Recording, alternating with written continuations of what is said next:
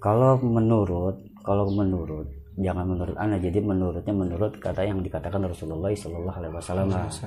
Afan kana hijratu ilallah wa wa rasulillah. Siapa orang yang hijrah hijrah karena Allah Afan kana ilallah wa rasulillah maka dia akan mendapatkan Allah dan Rasulnya. Dalam arti kata dia mendapat ke dunia yang dia dapat dan keagamaannya pun dia dapat. Dan yang kedua faman kana sejarah lebih dunia. Siapa orang yang hijrah karena dunia maka dia akan mendapat dunia itu. Nah untuk masalah anak muda hijrahnya ini enggak tersusun. Iya. Enggak hijrah menurut apa yang dikatakan Nabi Muhammad Sallallahu Alaihi Wasallam. Enggak hijrah tuh bin nafsiyah enggak hijrah tuh bil jasa dia hmm, iya. kan banyak nih Gus nih uh, hijrah karena uh, persoalan. Hmm. Cinta lah maksudnya gitu kan seru nih. Nih iya karena anak muda nih. Itu sebenarnya kan